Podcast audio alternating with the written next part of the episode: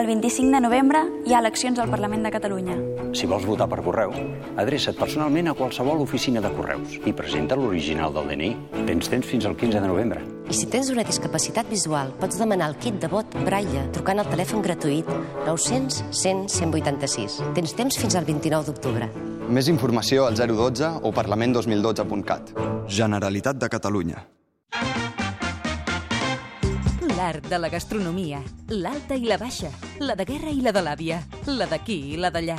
Artiteca, l'univers que s'amaga darrere d'un plat a taula vist des del punt de vista del cuiner, l'artista, el productor i també el teu. Art, cuina i territori van de la mà tots els dissabtes de 12 a 1 del migdia a Ràdio 4. Artiteca, en companyia d'Andreu Vinyes i Isma Prados.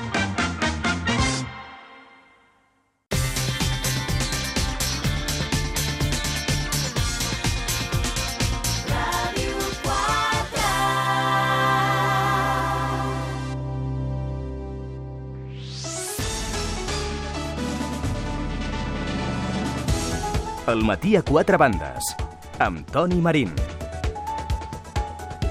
Les 10 i 7 minuts. déu nhi quin matí portem, entre unes coses i unes altres. Ve un matí molt, molt reflexa, segurament d'un moment tan especial com el que ens està tocant eh, viure, amb la mirada posada a tants i tants eh, llocs, és que no pot ser d'una altra manera, no? Però ara arriba el moment de relaxar-nos una mica. Està amb nosaltres el Jaume Garcia des de Lleida. Què tal, Jaume? Bon dia. Bon dia, Toni. Plou per aquí o què? Sí, sí. Ara, ara ha descansat una miqueta, però durant tota la nit ha estat plovisquejant. Ah, déu nhi uh, Escolta'm, el, uh, la pel·lícula del Bayona continua donant milers de notícies, eh? Sí, sí, sí. I de la mateixa línia de la que comentàvem ahir, eh?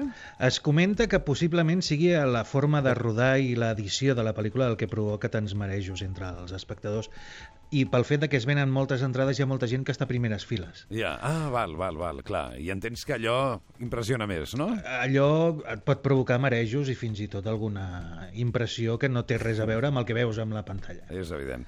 Bé, amb en Jaume Garcia avui hem de parlar de diverses coses. Em diuen que ja saps qui guanyarà els Oscars? No, ja sé qui seran els nominats. Guanyar, guanyar, puc fer les meves travesses, però encara és molt aviat. Però l'altre també és una travessa, no? Sí, però és una, no, és una tra, no és una travessa del desert mm. fent un acudit dolent sí. a aquestes hores del matí, bueno, sinó que està no, basat perdona, en... en el sí. teu cas no és que millorin massa, No. eh, si els fas un parell d'hores més tard, eh, jo. Sí, sí, no, però és que els, aquest és dolent dintre del meu target d'acudits dolents. Ja, ja t'entenc, ja t'entenc. Sí, sí. Eh, també, eh, ara de seguida, esperem poder saludar Roma Govern, catedràtic de Comunicació Audiovisual de la Universitat Autònoma de Barcelona, perquè, clar, ens hem vist sorpresos amb la mort de Sylvie Christel, Mm, sí. la que va ser Manuel, tot un mite, eh? Tot un mite. Tot un mite per a una generació, no només de gent aquí al nostre país, que com que vivíem en una dictadura, doncs eh, hi havia cues per anar a Perpinyà a veure les pel·lícules de Manuel, uh -huh. sinó també per tota una generació d'europeus. Clar, el que passa és que a, a Espanya estava com a 40 o, o 30 anys enrere amb la resta d'Europa. No és que hàgim avançat gaire, però, però bé, va marcar tota una generació i possiblement dues generacions de, de persones al nostre país. Déu-n'hi-do, eh? déu nhi En fi, anem a veure si en els propers minuts podem saludar algú. Em diuen que Romà Govern mm, difícilment serà possible, malgrat havíem eh, quedat amb ell. En qualsevol cas, a veure si podem eh, saludar en els propers minuts algú que visqués aquella història directament i, per tant, doncs, ens pogués explicar què eren, com eren aquells viatges fins, a, fins al cinema, fins a França, per veure la mítica Emanuel. Jo recordo la cadira. Saps aquella cadira Sí, gran? sí, sí, Jo era sí. molt petit, eh? De Una- mimbre, sí, efectivament. de de mimbre, mimbre, de vímet, sí, sí. De vímet, és veritat, Sí, sí, és veritat, és veritat. És, Molt. és molt mítica i la música també de la pel·lícula, però va ser la porta a un tipus d'erotisme que no tenia res a veure amb aquelles pel·lícules clandestines que arribaven i que es veien en Super 8 i que es podien llogar, en fi, a la clandestinitat al nostre país, sinó que era una, un erotisme sofisticat, era una porta a una sofisticació, a una cosa eh, en la qual el sexe deixava de ser una cosa bruta i, i amagar-se i, i es mostrava d'una forma natural i plaent, no? Era allò de les pel·lícules S. Exacte. Te'n recordes que- Així va començar tot. Això ja no és així, no? O què? Ja no és. No, no existeix la classificació de pel·lícules S. X sí, X sí. però S... Mm, No, no, ja no existeix. És que estic pensant que el 90 molt per cent de les pel·lícules que es fan avui, mm. segons el criteri, podrien ser titllades de S, no? Sí, inclús algunes de pornogràfiques. Què vols dir? Eh, pel·lícules amb moltíssima violència. Ah, de, ah, de pornogràfiques. Sí, Clar, sí, clar, sí. clar, clar. Sí, sí. De fet, Sou 6 es va prohibir precisament per, eh, perquè eh, només es podia veure a cinemes pornogràfics. Perquè és pornografia, és a dir, sexe molt explícit o Mhm. violència també molt explícita. Ja, ja. Bueno, està bé. Va, eh, després tornem al tema de Manuel. Ara, ara sí que sí. estaria bé saber quines creus tu que poden ser les candidates als Oscars de Hollywood. Doncs mira, hi ha moltes pel·lícules, entre les quals està Lo Impossible, però Lo Impossible ho té bastant impossible. Eh? Segur? Sí. Segur? Eh, hi ha un màxim de 10 pel·lícules que poden arribar a ser candidates a la millor pel·lícula. Uh -huh. Lo Impossible estaria en el número 15 d'aquesta llista. déu nhi Per tant, ho té força difícil. Tot s'ha de dir que fa 3 setmanes estaven al número 17. Mira, de mica en mica. Sí, de mica en mica va pujant, però ho té força difícil. Bàsicament perquè davant seu té moltes pel·lícules que pinten molt i molt bé. Uh -huh. Tot s'ha de dir, no he pogut veure cap d'aquestes. Eh, el que passa és que la indústria cinematogràfica, ho he dit moltes vegades i ho repetiré fins que em cansi, és una indústria, és a dir, és un negoci. I com a tal, tenen molt ben estudiat el, el públic i les reaccions i entre ells saben quins són els productes que més vendran i per tant són els que intenten col·locar dintre del, de la gala dels Oscars. No té res a veure amb la qualitat intrínseca de la pel·lícula. Ja. Eh? Això, això als anys 40 potser sí, ara no. Ara això és impossible. Per tant, puc assegurar més o menys amb una certa, amb una certa seguretat que les cinc pel·lícules que estaran nominades aquest any als Oscar d'aquí a quatre mesos Sí? seran Argo, Silver Linings Playbook, Life of Pi, Lincoln i Els Miserables. A, a, tu ja ho tens clar, això? Sí, sí, sí, sí. Si et sembla, comencem parlant una miqueta d'Argo. Em sembla molt bé. Que és la, la de Ben Affleck, no? És la de Ben Affleck, Ahà. dirigida i interpretada per Ben Affleck. Sí. Crec que tenim el tràiler. El tenim al tràiler. Anem a escoltar el tràiler d'Argo. Actions of Iran have shocked the civilized world. ¡Vamos, vamos, vamos! ¡Destruidlo todo! Our embassy has been seized and more than 60 American citizens Si vamos a irnos, tiene que ser ya.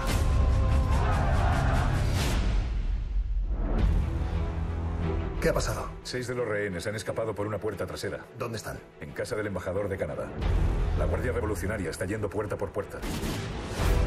Si mueren, serà de forma cruel. Tu l'has- Quiere que saquemos a los Tu l'has vist ja, aquesta pel·lícula, o no, no, no, no, no, encara no, l'he vista, s'estrena divendres vinent. Ah, és un motiu, doncs. Sí, no, hi ha passis de premsa. El que passa és que es fan tots a Barcelona. Jo, com que visc a Aragó, ho tinc una mica és que complicat. és raro, eh? O sigui... Sí. En fi. No, però habitualment veig les pel·lícules a través d'una cosa que es diu internet, perquè Ahà. visc en un segle que és el 21, no com moltes distribuïdores, però en fi, ara no em posaré a criticar la feina dels altres. Ah, molt bé. Escolta'm, sí. em deixes que faci un stop un moment? Sí, i tant. És que tenim al telèfon a un senyor que admirem molt, que ens agrada molt, que és el Lluís Bonet Mojica. Home.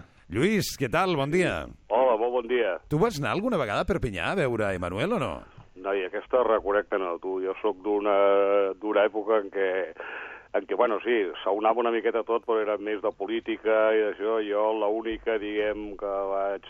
Bueno, a part de Viridiana o Buñuel i alguna cosa més, va ser la del, la del Marlon Brando i la Maria Schneider. Aquesta reconec que sí, eh? I després el gran, el gran dictador de Chaplin, però era més per motivacions polítiques, diguem, en aquell temps de repressió, no? Uh -huh. Però bé, alguna sí, eh? Està molt bé. De tota manera, imagino que el fenomen Emanuel és un fenomen que no va passar per alt a ningú, no?, en aquell moment. No, no, va ser... Bueno, que passa que no... M'agafé una miqueta que no me'n recordo quan es va estrenar. Bueno, aquí va estar naturalment prohibida durant, durant bastants anys, no? Uh -huh. I llavors, ho sé, mirant, eh, Emmanuel... Emmanuel, jo no sé quan, quan es va... Suposo que va ser després de la mort del Franco, no? Eh, això, pues no ho trobo, no? La data d'estrena Bueno, però, aquí. però més enllà d'això, no? Sí. El que va significar de cara al cinema eròtic, de cara, com deia el Jaume ara fa un moment, a entendre la sexualitat d'una altra manera, no? O potser endinsar-nos al món de la sensualitat, també, no? La sensualitat, so, sobretot, bueno, jo crec que aquí s'unien, s'unien dos, dos factors importants, no? que un era França, que sempre, per nosaltres almenys, havia tingut també eh, també una miqueta de, bueno, un contingut evidentment eh, eròtic, sensual i, i, i després el cinema, no? I jo crec que la fusió sí, un cinema eròtic amb, amb la marca francesa va ser bastant definitiu per això, no? Jo crec que d'allà ens va venir eh, les pel·lícules més escandaloses i tal, no? Però jo sí, el que sí recordo és quan aquí es va començar a posar els cinemes S i tal, jo no sé quan va arribar en Manuel, però sí que vam tenir que aguantar una sèrie de, de bodris realment importantíssims sí. de, de totes les nacionalitats, no? Sí. Vull dir, poques franceses, per cert, eh? Ja, I ja. inclús, jo me'n recordo allà en el cinema en el cinema Atenes del carrer Balmes, bé, allà també va durar mesos, mesos i mesos o més d'un any una pel·lícula, no sé si era sueca, bueno, era nòrdica, eh, sobre sobre el part, no?, per exemple, no? que vol dir com estàvem aquí, no? Clar, clar, Vull dir, clar. veure una pel·lícula didàctica pels països aquells eh, sobre sobre les dones embarassades i com venia el part i com naixia el nen, i això aquí es va donar com, peli, com pel·lícula S. Ja, ja. Lluís, ho hem de deixar aquí per la teva informació. 1974, l'any en el que es va estrenar aquesta pel·lícula. 1974, Eh? Sí. pues un pèl abans, sí. Bueno, i era ja quan, quan allò que deien de la lucecita del pardo ja es començava a tremolar. Encendre, sí, sí. Una abraçada Sí. molt gran, Lluís, gràcies. Una abraçada, igualment. Adéu, bon dia. Eh, perdona, eh, però com ets tan jove, Mm. saps? No, no, no pots fer aquestes valoracions, tu, Jaume. Home, jo, jo ja hi era, l'any Ja. 74. El que passa és que tenia 5 anys. Ah, doncs és una cosa, Sí, eh? Escolta, Margo, estàvem parlant, parlàvem de Ben Affleck, que és una, una pel·li que té bastant bona pinta, no? O què? Té bona pinta, el que passa és que... I suposo que guanyarà l'Oscar. Aquí sí que em mullo. Sí? Eh, perquè té, tot, uh, té tot, tots els ingredients per guanyar l'Oscar a la millor pel·lícula. És una pel·lícula que parla d'una... Uh, d'una... Uh, com es diu això? Un, un, un fet real, una cosa que va fer la CIA per intentar rescatar sis americans a l'Iran de l'any 1979 Ahà. que van crear una productora fictícia i van eh, fer un rodatge d'una pel·lícula fictícia, Argo, precisament, Ahà. eh, per intentar treure d'allà d'Iran aquells, eh, aquells eh, sis homes que Ja. estaven amb, doncs, eh, estaven com, com a segrestats. Fins i tot eh, es comenta que el propi Steven Spielberg va enviar el guió d'E.T. a aquesta productora fictícia Ja veus. a veure si li financiaven, no? Que fort. I això va ser doncs, una, una acció de, de la CIA. Bueno. La pel·lícula està bé, però tampoc no és per llançar coets. El que passa és que com és una pel·lícula nord-americana i aquests són més eh, papistes que el papa, doncs eh, suposo que té molts Haurem números. d'esperar, haurem d'esperar que s'estreni i a veure-la, en qualsevol cas, per tenir més, eh, més dades. Ja tenim la primera de les candidates, doncs anem per la segona. The Silver Linings Playbook. What? Hey. What's this? Didn't tell me you took him out? The court said yes. Yeah, but what did the doctors say? Can I do an interview for a school project on mental illness? No. I'm ready. I feel motivated. I don't feel so angry all the time. La veritat és que jo tot el que sé d'aquesta pel·lícula, Si- Silver Linings, eh, és, són quatre línies que he llegit en el teu guió. Mm. Però són quatre línies que estan molt bé. És a dir, l'argument és bo, no? Sí, sí, és eh, l'adaptació d'una novel·la i és la història d'un home que és eh, l'actor eh, Bradley Cooper, que és el, el de Resacón en Las Vegas, eh, doncs que torna a la seva població, al seu poble natal, després de passar una llarga temporada dintre d'un hospital psiquiàtric, Sí. i allà s'ha de retrobar amb els seus pares, amb la seva exdona i també amb una dona misteriosa que li farà passar doncs, per una sèrie de coses que és la, la trama de la pel·lícula. La veritat és que aquesta està molt millor que Argo. Eh, té com a secundària Robert De Niro Ah, déu nhi el i a, secundari. sí, i a Julia Stiles, que són dos actors, un actor i una actriu, que donen un pes eh, significatiu a la pel·lícula. I el director és David O. Russell, que és un director molt interessant. Mhm. És eh, un dels directors que està fent millor feina darrerament als Estats Units.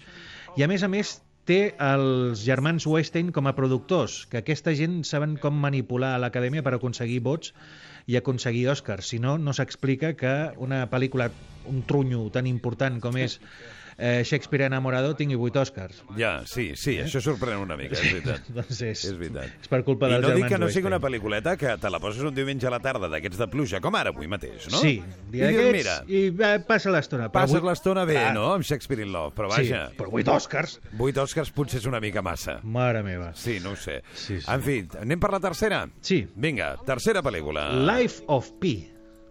We here highly resolve that these dead shall not have died in vain, that this nation under God shall have a new birth of freedom, that government of the people, by the people, Bé, aquesta no és, no és no, Life of Pi, és Lincoln, això, això és Lincoln. sí, efectivament. Sí, No, no, ha estat fallo meu perquè l'he donat pas a, a l'Àngel al tall i Ah. el, no tenim el tràiler de Life of Pi, sí. sí, bé, és igual. Doncs parlem de Lincoln cosa i que després... és igual, perquè els que tenim són en anglès, que tampoc no Sí, ens entenem no, no, massa, no. o sigui que no passa res, no? Lincoln és una pel·lícula de Steven Spielberg, la qual cosa ja ens dona una certa garantia de qualitat. -huh. També és una adaptació, en aquest cas, d'un llibre històric eh, que és la biografia d'Abraham Lincoln, però Ahà. només han agafat els quatre darrers mesos de la vida de Lincoln i la pel·lícula es veu, tots els que l'han vista, que és un tros de pel·lícula. Spielberg és un gran director, no em cansaré mai de dir-ho, que és el gran director nord-americà, Uh -huh. juntament amb Francis Ford Coppola i eh, Martin Scorsese dels darrers 40 anys. Ells tres són els pilars del que és el cinema de qualitat en els Estats Units.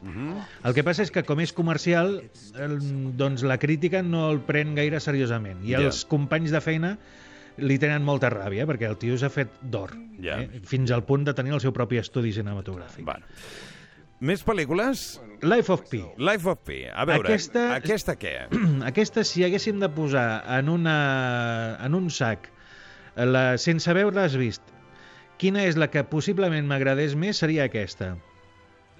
Eh? Sense haver-les vist. Ja. La que més m'atreu. La història és una mica friki, perquè és, eh, està basada en una novel·la de l'escriptor britànic Jan Martel, que és boníssim, Sí. i és la història d'un jove hindú que es diu Pi, que està a la deriva dins d'un bot salvavides acompanyat d'una hiena, Ah. una zebra, un orangutà i un tigre de Bengala que, a més a més, està mort de fam. Caram. I Ostres, aquesta... sona bé, eh? Sí, aquesta és tota la, aquesta és tota la pel·lícula. Eh, clar, com desenvolupar tota una història dintre d'aquest eh, món d'un imaginari tan brutal com és el de Jan Martel i com portar això en imatges veritablement és, eh, és un tour de force impressionant. I a més a més està dirigida per Ang Lee, que si a mi em preguntessin, doncs segurament seria el candidat perfecte per guanyar l'Oscar al millor director. Ah. Però clar, és que la meva opinió no compta en aquest cas. En aquest Ja. cas el que compta és la indústria i... Poques influències tens. No, jo cap, ni una, zero. I finalment queden els miserables.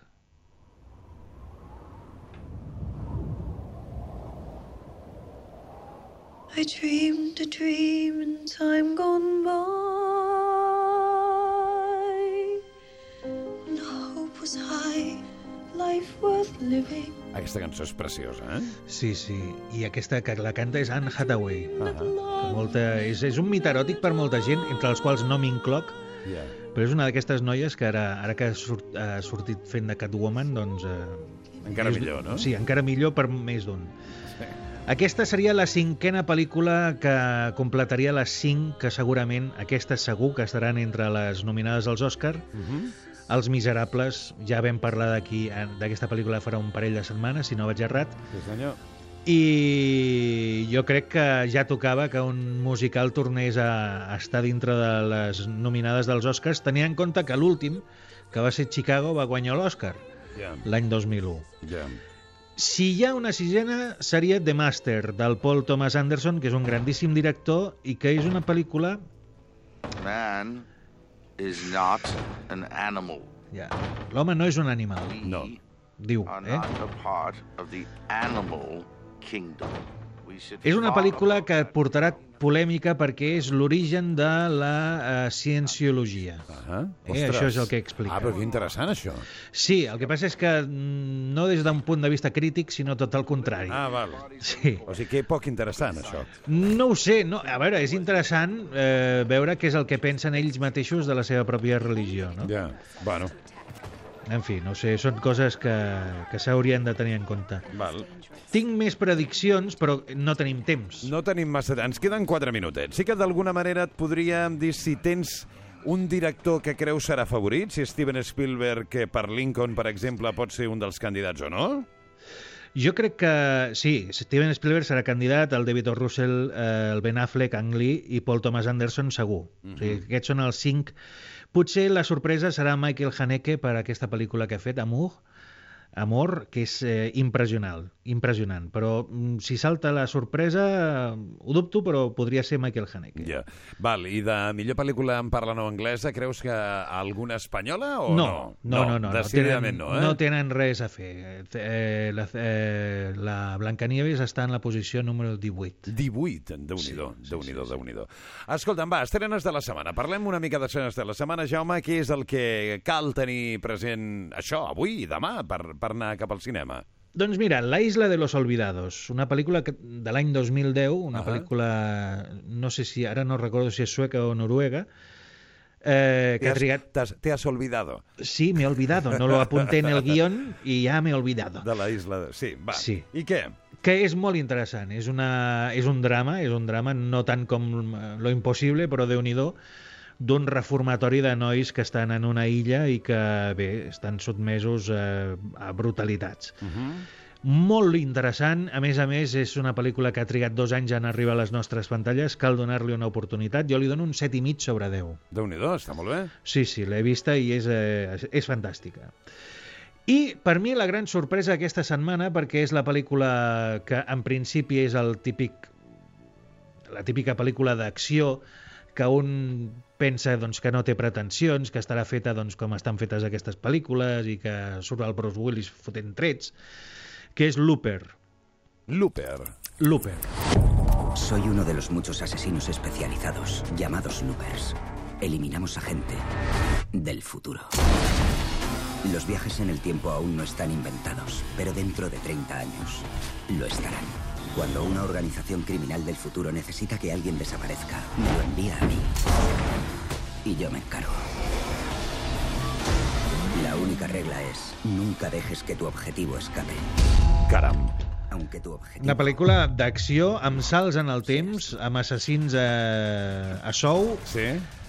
i molt ben feta, i jo li dono un 7 sobre 10. Ostres, està molt bé. Està molt bé aquesta pel·lícula. A mi em va sorprendre moltíssim. Fantàstic, Sí, fantàstic. sí, sí. Escolta'm, prenem nota i ens aprovem al cinema avui o demà o quan sigui. Jo crec que farà cap de setmana de cinema, eh? Molt bé. No de Doncs, moure's eh, massa. A veure, el Dani acaba d'arribar fa un, un moment. Hola, Dani, què tal? Bon dia. Hola, bon dia. Està plovent ara o no, aquí a Sí, sí, Barcelona? plou, plou. Plou, eh? Plou. O sigui, plans de cap de setmana, què? Cinema? Cinema i, bueno, i estar per casa, suposo. I poca cosa més. Poca cosa més. Poca bueno, cosa. de, tant en tant ja va bé, no, també? I tant, Sí, i aquests tant, i caps de tant, i tant. Tranquils. Tu què faràs?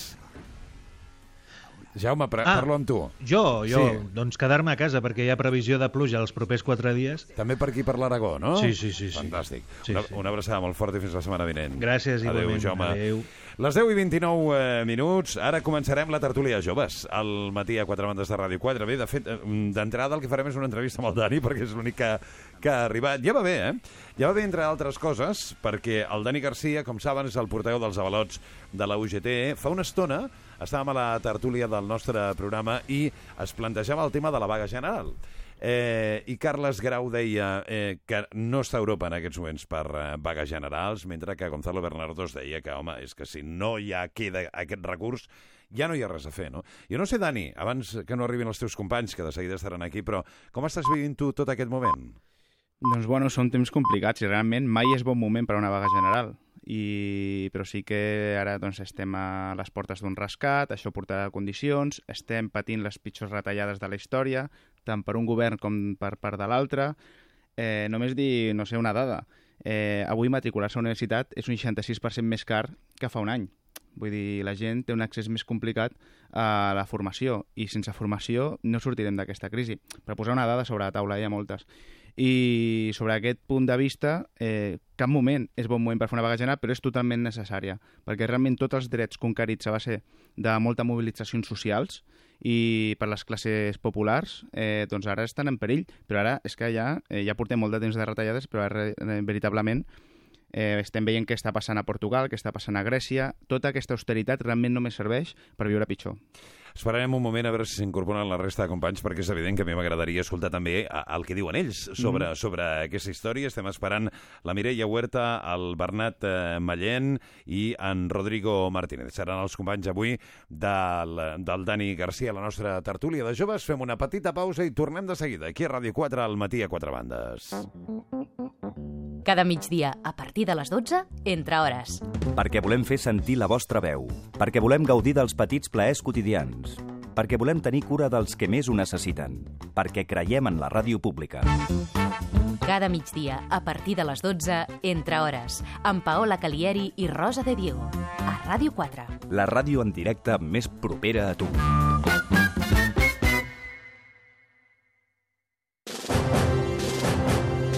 Som traficants de somnis. Badacina. Un espai on encara es pot somiar.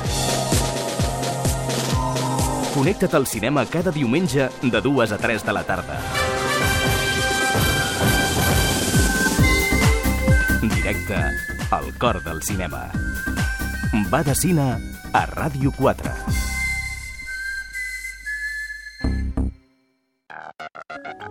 Segueix l'actualitat de Ràdio 4 també a internet. Clica a rtv-e.es barra Ràdio 4. Entrevistes, reportatges, notícies, esports. A Ràdio 4 a la carta hi trobaràs el més destacat del dia i de la programació de la teva emissora. Recupera al web el més important del que està passant. Clica a rtv-e.es barra Ràdio 4. Ràdio 4 també a internet. La primera en català.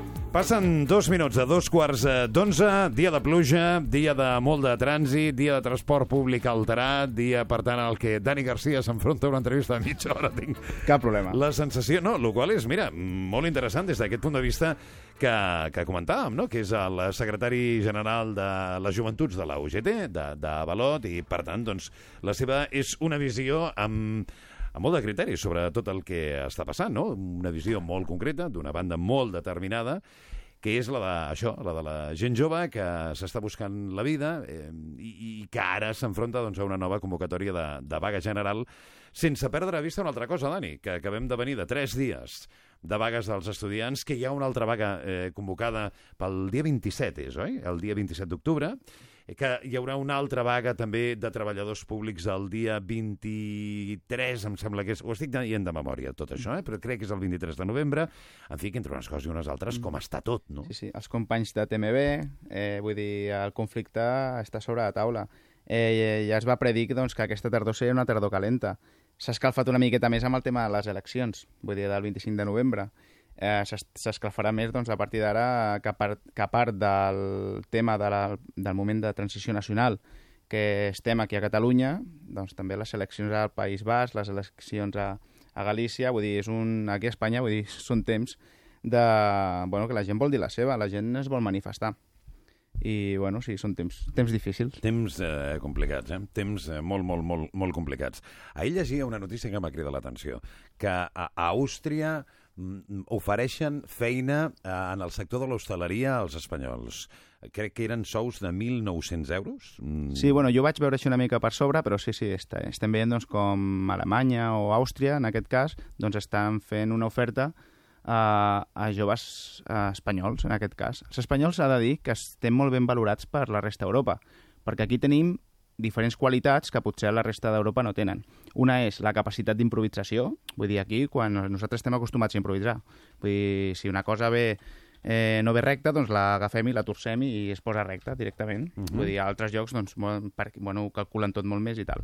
Pel tema hosteleria, el que es necessita moltes vegades és una mica de nervi. Doncs el Ja. treballador espanyol doncs, va molt bé per això.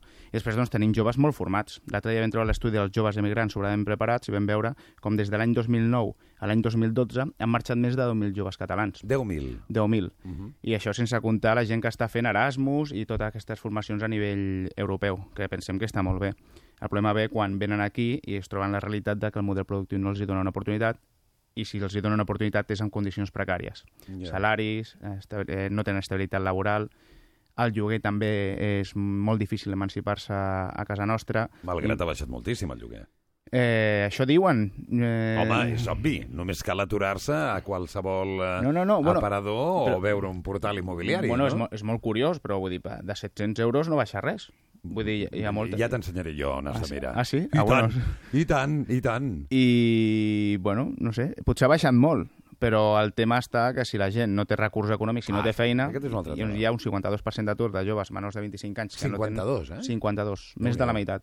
Això, això al sindicat eh, ho noteu? És a dir, us ve més la gent ara, eh, que és un moment probablement de molta més conscienciació, de que, eh, no sé, jo recordo haver parlat amb tu fa ja mm, bastant de temps, no? quan hi havia aquelles crítiques a que la gent jove no es mobilitzava, te'n recordes, Mhm, sí, no? sí, sí, Farà sí, sí, sí. tres anys, una cosa així. Sí. Home, ara estem just en, el, en, en la vessant totalment contrària. Totalment si ens contrària. arriben a dir que el grau de la mobilització en seria el que és, no ens ho hauríem cregut, no? Aquest, aquesta major conscienciació eh, provoca que hi hagi més gent que s'interessa, per exemple, per formar part de les joventuts d'UGT? Sí, ve molta gent i s'interessa. Bueno, cal dir que ser, formar part de l'Avalot és gratuït si no cobres més del salari mínim interprofessional. Ahà. I també tens tos, tot la, el tema d'assessorament jurídic Ahà. i assessorament si tens algun tipus de problema laboral o, o acadèmic. Ja. I sí, realment doncs, s'acosta més gent i perquè la gent doncs, té, bueno, té curiositat per saber què pot fer, com es pot mobilitzar, com pot transmetre les seves inquietuds a, cap a un organisme, com és el sindicat, un,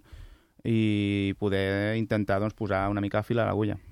Mira, farem una cosa, que és, mentre deixem que el Bernat Mallent, que acaba d'arribar ara mateix al, al nostre estudi... Una mica mullat, no, Bernat, sembla? Una mica de pluja. Sí, sí, aquí mateix. Plou molt ara mateix o què, Bernat? Déu-n'hi-do, com dirien els bascos, siri miri, aquesta pluja que va calant i en moto encara més. Sí, no? Ah, venies en moto, a més a més. Sí, sí. Déu-n'hi-do. Doncs, mentre es van incorporant, ell també de seguida sabem estarà amb nosaltres el Rodrigo eh, Martínez, el secretari general d'Estudiants pel eh, Canvi. El Bernat, per cert, és membre del bloc eh, Pompeonòmic, Pompeonòmics. Pompeonòmics, Pompe- economia, política i empresa. Fantàstic. Doncs ara parlarem de tot, d'economia, d'empresa, del que calgui, oi? Abans el que farem és aprofitar la vinentesa i eh, saludar l'Òscar Marín, que el tenim al telèfon. Hola, Òscar, bon dia.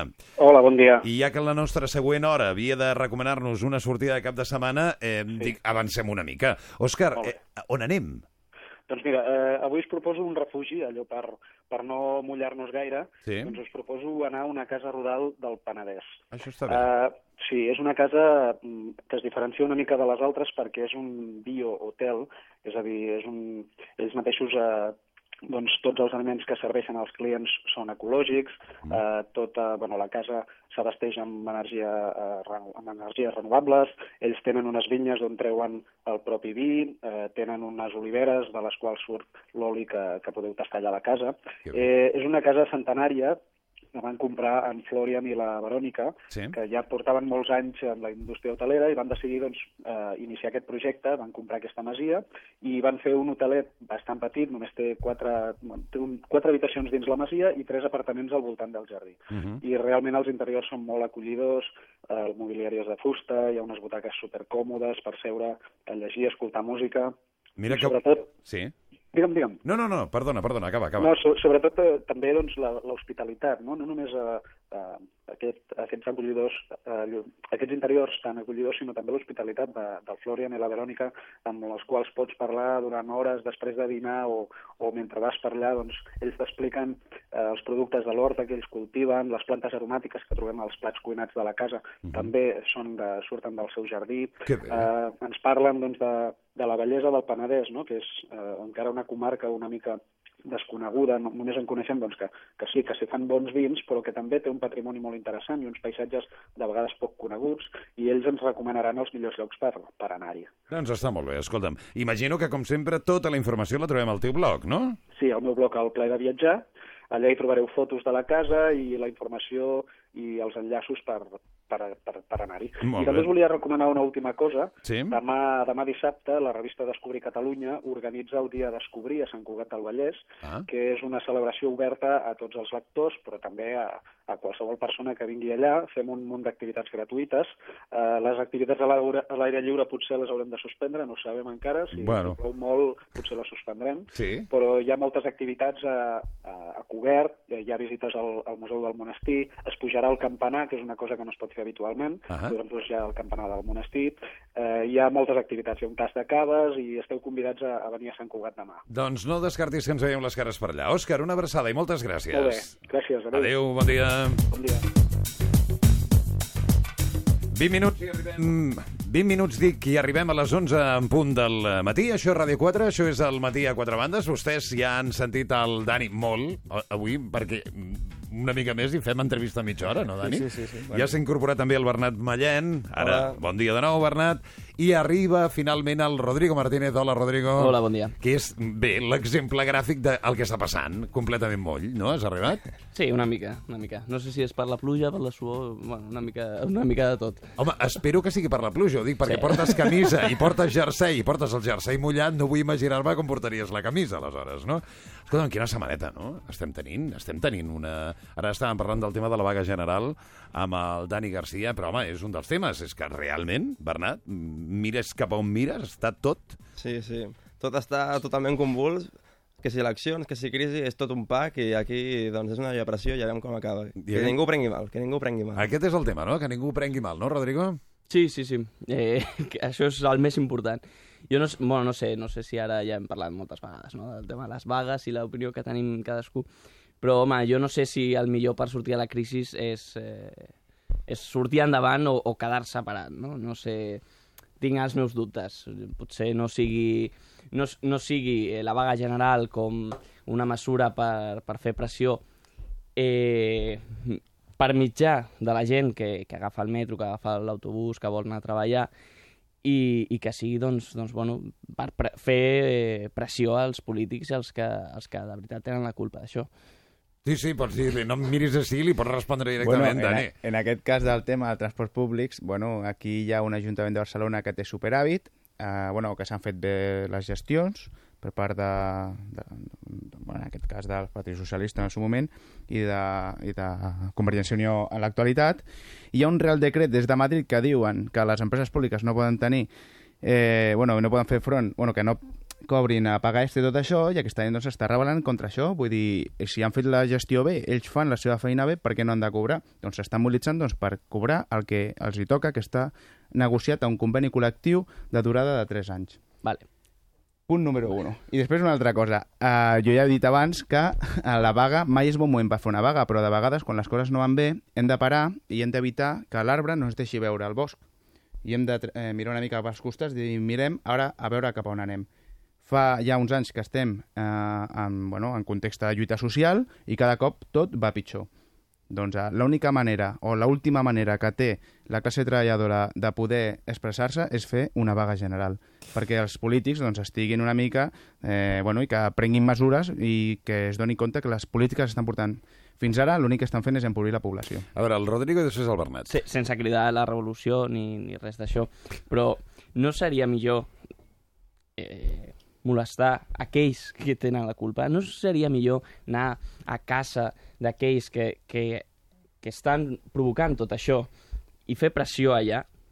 No, no, hi, ha, no hi ha alguna manera de, de fer això o de, o de posar-se davant la seva casa i, i dir escolta, aquí estem, no fa falta eh, cremar la casa ni res, sisplau, no, no. no, ningú, no. ningú ha dit que, que s'hagi de cremar res ni res. Sí, però el que passa que eh, potser són els empresaris el que han d'anar a la seva associació d'empresaris i dir que no estan d'acord amb les polítiques que estan portant a terme des d'aquesta associació. Aquesta associació és la que ha d'anar al govern i, dir, i dir-li que no està fent bé les polítiques, igual que fan els sindicats. Perquè la classe treballadora va als sindicats. Els sindicats es meten el, aquest, eh, a, aquestes causes al govern i el govern fa el que li dona absolutament la gana. Tu què dius, Bernat? Jo penso que primer és una mica exagerat denominar això lluita social, perquè Sí, és cert que hi ha lluita social, com és que quan al PSOE no hi havia lluita social, perquè de vaga generals va haver només una. És a dir, jo penso que aquí... Mm, jo estic totalment a favor de la vaga general i de les vagues en general perquè és un dret que s'ha suat al llarg de la història, i no només suat, sinó que s'ha sangrat. Però aviam, aquí hi ha uns sindicats totalment polititzats i que no lluiten per la classe treballadora, eh? Lluiten per un sector, només, que són els indefinits els que tenen privilegis.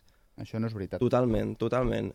Són un, no, no representen a tots els treballadors i a part estan polititzats perquè estan a favor del PSOE perquè ara amb el PP tindrem un munt de generals i amb el PSOE Jo aquí puc estar, a la puc boca. estar Totalment. en part en d'acord amb tu- que no es van fer potser totes les mobilitzacions que s'havien de fer amb el Partit Socialista, però, per exemple, jo no milito a cap partit polític, per Jo si, per, per si Jo per aquí una mica la no, cosa. però ell és el secretari general de, de les joventuts de UGT. Ho dic perquè Jo no- entenguis el, el, el, el, el, el per què del seu posicionament, Eh, per- no? Això. I eh, actualment, doncs, eh, si és veritat que la primera reforma laboral la va fer el Partit Socialista, es va fer una vaga general, perquè no estaven d'acord amb, aquesta, amb, eh, amb les seves polítiques, i el Partit Popular el que ha fet, doncs, encara més és agreujar aquestes reformes laborals amb una altra reforma laboral i amb una sèrie de polítiques, i s'ha fet una vaga general i ara es farà una altra, però perquè està governant, es van fer eleccions i va sortir del Partit Popular. Això per un cantó. I no hi ha revolta social? Home, eh, recordem el 15 de març, recordem la vaga, eh, portem dues vagues generals en dos anys, aquest any ja serà la segona, hi ha manifestació gairebé cada dia, eh, manifestacions dels serveis públics, que ens ocupem només dels, de la gent que està aturada. Això no és veritat, ens ocupem des de la gent que està estudiant, de la gent que està a l'atur, de la gent que, que, que té contracte eventual, de la gent que està indefinida, però els indefinits en aquest cas tampoc són la majoria. Pensem que hi ha un 52% de joves que estan en contracte temporal i d'aquests també ens preocupem. Jo tinc els meus dubtes, però a part d'això és simplement la visió que es veu exterior. Eh, És evident que... Els No, la teva visió, la teva visió. No, Jo parlo amb gent, i és evident que els dos sindicats han, han tingut descrèdit en aquest temps perquè mm, jo estic molt bé que, ting, que tinguin aquest punt de vista, però que el mantinguin sempre, independentment del govern que hi hagi allà. D'acord? A partir d'aquí et guanyes una reputació i a part tinc molts dubtes de que realment defensin els, els interessos dels treballadors, defensen els interessos dels seus afiliats, que són en general gent indefinida i per tant per això estan bloquejant tant Això no és veritat. el que s'hauria de fer és un únic contracte i acabar amb la dualitat del mercat Bueno, de això és treball. una altra història i això els sindicats ho han posicionat més d'una vegada. I la dualitat comporta, doncs ara, una, una contractació a dues velocitats. Exactament. Perquè hi ha gent que té una sèrie de drets adquirits a base dels anys que porta treballant. Però que no ens ocupem només de la gent que està indefinida, vull dir que ens ocupem de tots els treballadors. I només dir-te una cosa, les eleccions sindicals a les empreses fan cada 4 anys. I la gent, els treballadors, són la gent que escolleix els seus representants. Això que quedi clar, i vull dir, i perquè, no perquè has dit que no representem a tots els treballadors. Vull dir, Els representem, afiliats. no, no, els afiliats i els no afiliats, perquè hi ha molta gent que no està afiliada i cada 4 anys vota els seus delegats als seus comitès d'empresa. I no té res a veure amb la seva afiliació. Afiliació és un afegit. Què, Rodrigo, i a banda d'aquest tema, quines altres històries s'han cridat l'atenció aquests dies de tu? Doncs, no sé, tenim moltes coses, no? bueno, tenim la reunió de, de l'Eurogrup aquest, que no sabem mai què, què fan o què faran. O... Ens rescataran o què? Ens rescataran, jo crec que bo, sí, no? de bo. Què dius, què dius? Tant de bo. Tant de bo per què, Diu- Bernat? Perdona, eh, Ah, Rodrigo, sí, sí. tant de bo per què? Perquè posats a anar malament, prefereixo que em governi una persona racional que ens porti malament que no una, una persona que, irracional que fa apes de Galícia en comptes de corredors al Mediterrani i aeroports en lloc, perquè posats a anar malament, millor que ho facin racionalment que no aquesta populisme que hi ha. M- Más peligroso es un imbécil que un malvado. Exactament, exactament. Eh, Dani. No sé, bueno, aquí estic totalment d'acord amb el company perquè s'han fet polítiques pensant només en rèdits electorals i no en rèdit de país. I, clar, des d'Alemanya o des d'Europa es veuen, diuen, "Home, durant molt de temps heu tingut calés i realment els heu malgastat. Escolta'm, però eh, això de, de mirar-ho en, en base a nivells eh, electorals, avui mateix eh, François Hollande eh, ha fet declaracions, no, no avui, ahir, eh, acusant, oh, acusant, eh, deixant entreveure d'alguna manera que la negativa d'Angela Merkel a que el supervisor únic entri en funcionament ja el més aviat possible, respon a interessos electorals. És a dir, qui més qui menys, sembla que d'això d'interessos electorals també en pot saber una mica, no? Home, tots tenen els seus interessos. A Alemanya em sembla que hi ha eleccions aquest any i la Merkel encara no les té totes per, per poder guanyar. A Alemanya les coses tampoc són tot és or, tot el que llueix. Eh, D'alguna manera també hi ha el tema dels minijobs, hi ha molta gent que, té, eh, que s'estan baixant salaris des del sindicat DGB de- d'Alemanya també tenen por de que tot aquest èxode de gent d'altres països que estan cap a Alemanya també serveixi doncs, una manera per baixar els seus salaris. Perquè, I clar, tenen molta immigració, sí. i estan tenint molta, també molta immigració, immigració dins del- de- de- de- d'Europa, eh? Vull dir, Ja, ja, Sí, que no l'hauríem de dir immigra immigració, Immigració, perquè perquè, som tots Europea. europeus, no necessitem permís de treball, no necessitem papers per anar a cap lloc, tenim lliure circulació, llavors no. No hauríem de, de dir-ho de dir immigració. Mhm. Però per això falta, el que falta és una mica acabar amb, això, amb, el, amb la unitat fiscal, amb el, amb el Banc Central europeu que únic, pugui el- exercir com a tal Sí. i tal. Sí, sí, sí. sí. Sí. Polítiques laborals Hem, hem d'avançar perquè si no, no, ens quedem aquí. I no sóc europeista, però, No? ja, però ja que estem a Europa... No ets europeista, Ho dius? hem d'acabar. No Eh, ets europeista? Mm, encara no. No sé si algun dia ho seré, però mm, no... Què no t'agrada d'Europa? No m'ha convençut. Ah, no, està bé, això. Eh? Què, és, què és el que no t'agrada de- d'Europa? Home, una mica tot el, el control econòmic que es fa dels països, eh, home, treuen sobirania, no? Mhm. A tu.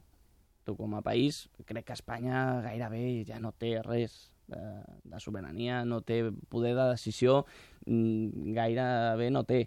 Eh, tot el tema del el control de la producció a Espanya, tot el tema de la mineria d'Astúries eh, o l'agricultura, eh, com els francesos es van empipar amb nosaltres no? perquè produïen més agricultura, o, en, o la Unió Europea va deixar que, que nosaltres eh, érem els que havíem de produir tota aquesta fruita o verdura. Però jo més que, que europeista, penso que tot això és- són problemes o conseqüències de la globalització. Vull dir, si és més econòmic portar carbó de les mines d'Àfrica que de les mines d'Astúries, doncs clar, això és un problema. El que passa, clar, mm, vull dir, no, és, no té res a veure amb ser europeista, sinó que estem en un, en un món globalitzat. Què dius, Bernat? Jo el que penso és que això? Uh, soc al contrari d'ell, soc europeista, però sí que estic d'acord en que hi ha moltes coses que no m'agraden. Però precisament perquè sóc europeista vull que això canvia millor. I sí que és cert que tu dius, "Est- estàs en contra de cedir sobirania, però és el que hi ha. És a dir, no pots rebre gratuïtament, mm, com si diguéssim, coses bones de la Unió Europea sense cedir sobirania. Sí que és, és el que s'ha d'arribar... Per tenir una unió fiscal s'ha de, tenir, s'ha de cedir sobirania. Per això dic que, encara que sigui antieuropeista, crec que hem d'anar a- Clar, clar. En aquest sentit, aquesta setmana hi ha hagut una frase interessant. El president de la Generalitat deia que la independència total no existeix. És a dir, que el que aspira Catalunya en aquest eh, moment és a la mateixa independència que poden tenir la resta de socis de la Unió Europea. Sabeu que avui han aparegut, no sé si us heu assabentat o no, el famós àudio de les declaracions de Vivian Reid, la, Sí. la comissària europea, la vicepresidenta, perdó, de la Comunitat Europea, la que el que diu és contradiu, de fet, aquella versió de que si Catalunya arribés a ser independent hauria de sortir de la Unió Europea. És més, diu que no hi ha cap llei que digui això i que ella pensa tot just al, al contrari i insta a les autoritats espanyoles i catalanes a que solucionin els seus problemes interns i que no els traslladin d'alguna manera a Brussel·les. No? Com esteu vivint vosaltres tot aquest moment, Bernat? Que, eh, Doncs jo, mira, uh, si aquestes declaracions que va fer la Vivian Redding, doncs, de fet, han mm, portat molta polèmica, no?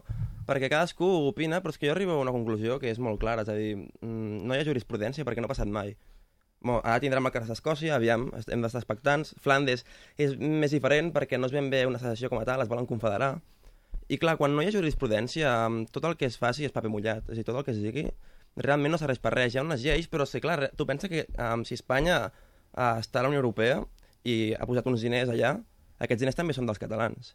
Per què si a Catalunya s'independitza ens han de fer fora quan nosaltres hem participat allà? Uh -huh. Hi ha moltes coses que, si volem, podem fer literatura durant hores i hores, però realment, fins que no hi hagi una jurisprudència que jo penso que hem d'estar molt expectants del cas d'Escòcia, Uh -huh. no podrem realment afirmar res. Aquí la Redding diu tal, després pressions d'Espanya perquè es contradiguin i realment podem parlar molt, però fins que no hi hagi un cas, jo penso que no podrem afirmar res amb certesa. Sí, Dani. Jo més que lleis, una mica amb sentit, amb sentit comú. Catalunya eh, és la zona, o de les zones, hi ha tres, més industrialitzades de l'estat espanyol. Vull dir, les que més producte interior brut poden aportar o poden produir. Per què Europa vol, voldria fer fora una regió productiva? Vull dir, aquest és sentit comú. Eh, Espanya, evidentment, per què no vol que Catalunya marxi? Perquè també aporta molt a l'Estat. Vull dir, aquí hi ha tres zones. Una és Madrid, perquè és la capital de l'Estat, el País Basc i Catalunya. Uh -huh. Vull dir, és... Jo, bàsicament, de sentit comú. No, no hi ha jurisprudència, no hi ha casos i tal, però vull dir, bàsicament és una mica contextualització socioeconòmica. A tu què et sembla, Rodrigo? Doncs, bueno, Catalunya vol un, vol un pacte fiscal per ella, per nosaltres, eh, diferent del que té ara mateix. Si aconseguís aquest pacte fiscal o aconseguís la independència i té, i té aquesta nova fiscalitat, dintre de dos dies la Unió Europea se la traurà, perquè tindrem una altra fiscalitat. Llavors, bueno, doncs sí, som independents, som europeus i tindrem un... Crec que és que no, no, podem, no podem fer res. O sigui, crec que la Unió Europea mm, va, un, va cap a un moment, sense, eh, cap a un projecte sense, sense fronteres, però, però sense cap tipus de fronteres, i, i Espanya doncs, serà una província i no serà un país, potser, no? Eh, no sé, votarem, votarem, tampoc sabem què està fent Artur Mas, no sabem què vol, no sabem si està eh, una, és una cortina de fum, és un xantatge, no, bueno... No sé. veus clar tot el que està passant? No, jo no ho veig eh, res clar, no. Digues, digues, Dani. Jo sí que veig... Ai, perdona, Bernat. Jo sí que veig clara una cosa, és a dir, en tema lleis, jo penso que, com he dit, no podem dir res i, jo, i estem més o menys d'acord, però per al tema interessos, jo penso que Europa totalment... És a dir, no té cap sentit que faci fora Catalunya, com ha dit ell, per el que és industrial. A part, seria portadora neta, Mhm. no seria com regions que reben subvenció, i a part de la gran vocació europeista, és a dir, no tindria cap sentit realment perquè, és a dir, en tema incentius, a més a més, vaig sentir que, clar, això és el típic, que hi ha rumors, que eh, a Europa realment el que li interessa són els petits estat-nació i no els grans estat-nació perquè a, a un petit estat requereix una unió. Està disposat a cedir sobirania perquè, no, eh, evidentment, sol no pot doncs, conviure en aquest món. Prefereix estar en petits estats-nació que tinguin incentiu a unificar-se que no grans estats-nació tipus Alemanya, tipus França, tipus Espanya, que vetllaran més pels seus interessos i estaran molt reticents a cedir sobirania en aquest sentit. He de reconèixer que hi vaig riure molt. Vaig llegir a Facebook una cosa que ha corregut d'una manera brutal. No sé si heu vist aquest article dedicat, o aquesta carta dedicada al ministre Bert, sí. que ha, independentment de qualsevol altra consideració, és que és molt divertida, perquè el que fa és traduir literalment eh, del català al castellà, però literalment, amb la qual cosa te'n trobes de l'alçada d'un campanar, que seria en castellà de, l'altura d'un campanario, però clar, aquesta frase està dita, eh? Per exemple, només diu, tengo que dejarle, son tres cuartos de diez y es tarde y quiere llover, así que buen viento y barca nueva. Ho heu, ho heu vist, això, o no? Sí, sí, sí. És divertidíssim. molt bo, molt bo. És divertidíssim. És, és, és positivitzar, d'alguna manera, una de les històries que més... Que és castellano, eh, cast españolizar a los catalanes. Sí, exacte, exacte. Jo Què? penso que aquest senyor, eh, primer que no té competències, un ministre de- d'Educació, quan l'educació està, o l'ensenyament està, són competències autonòmiques. Ah. Això per un cantó. Segon, aquestes declaracions és que en aquest país que ha de fer un- un ministre perquè hagi de dimitir, bueno, és que jo no ho entenc. Bueno, jo... Un, un ministre que està declarat hooligan del Real Madrid, vull puntualitzar, ho va dir ell mateix. Bueno, doncs Aquesta... Però no passa res per això. A mi em sembla patètic tenir un hooligan com a ministre. eh? Es, es, estem criminal, criminalitzant un ministre per ser d'un equip de futbol i d'un de, No, no, dels no, millors. no ser d'un equip, ser un ninja, que és diferent, ser un ninja. El Rodrigo és del Real Madrid, saps? Ho, ho he vist. Jo, jo Ho has notat, no? Ho has notat una, mica, no? Una mica, notat una què no m'hi no poso, però en tema professional penso que és poc professional, aquest senyor. Eh, I avui he al·lucinat amb una cosa, eh, pràcticament per acabar, a no ser que us vulgueu quedar una estona, que si voleu, mira, està problema fora. Eh, avui parlem de l'eyaculació precoç. I és una història que, més enllà d'aquella conya que sempre provoca, ai, mira, resulta que aquest matí m'he ficat al Google. I sabeu quan eh, poses ai, qualsevol mot que immediatament després sempre et dona alguna suggerència que va en base a les recerques que s'han fet sobre això, no? I m'ha cridat molt l'atenció perquè si vosaltres entreu al Google i poseu eyaculació precoç, el que posa a continuació són trucos i està ple de persones eh, que demanen consell eh, sobre com poden retardar l'eyaculació. Eh, això va absolutament en línia del que la Carme Sánchez, la nostra sexòloga, que ja ha arribat i que de seguida estarà aquí amb nosaltres, ens explica sempre, que és una de les coses que més amoïnen a la gent jove, el tema de la eye- eyaculació precoç. Us voleu quedar? O teniu pressa? Eh, Em quedo una estona, va. Tu et quedes una estona? Rodrigo, què dius? Puc quedar una estona. Pots quedar-te una estona? Jo igual. El Bernat també? Fantàstic. Doncs amb ells parlem després de les 11 del matí, també amb la Carme Sánchez, que malgrat la molta pluja que, segons ha eh, publicat al Twitter, li estava caient al damunt, malgrat això ha aconseguit eh, ser puntual. També el Camil Roc el veig ja pel control, en fi, amb uns i amb els altres. En parlem de seguida aquí a Ràdio 4 per fer front a la darrera hora del nostre matí a quatre bandes. Les notícies i se'n tornem.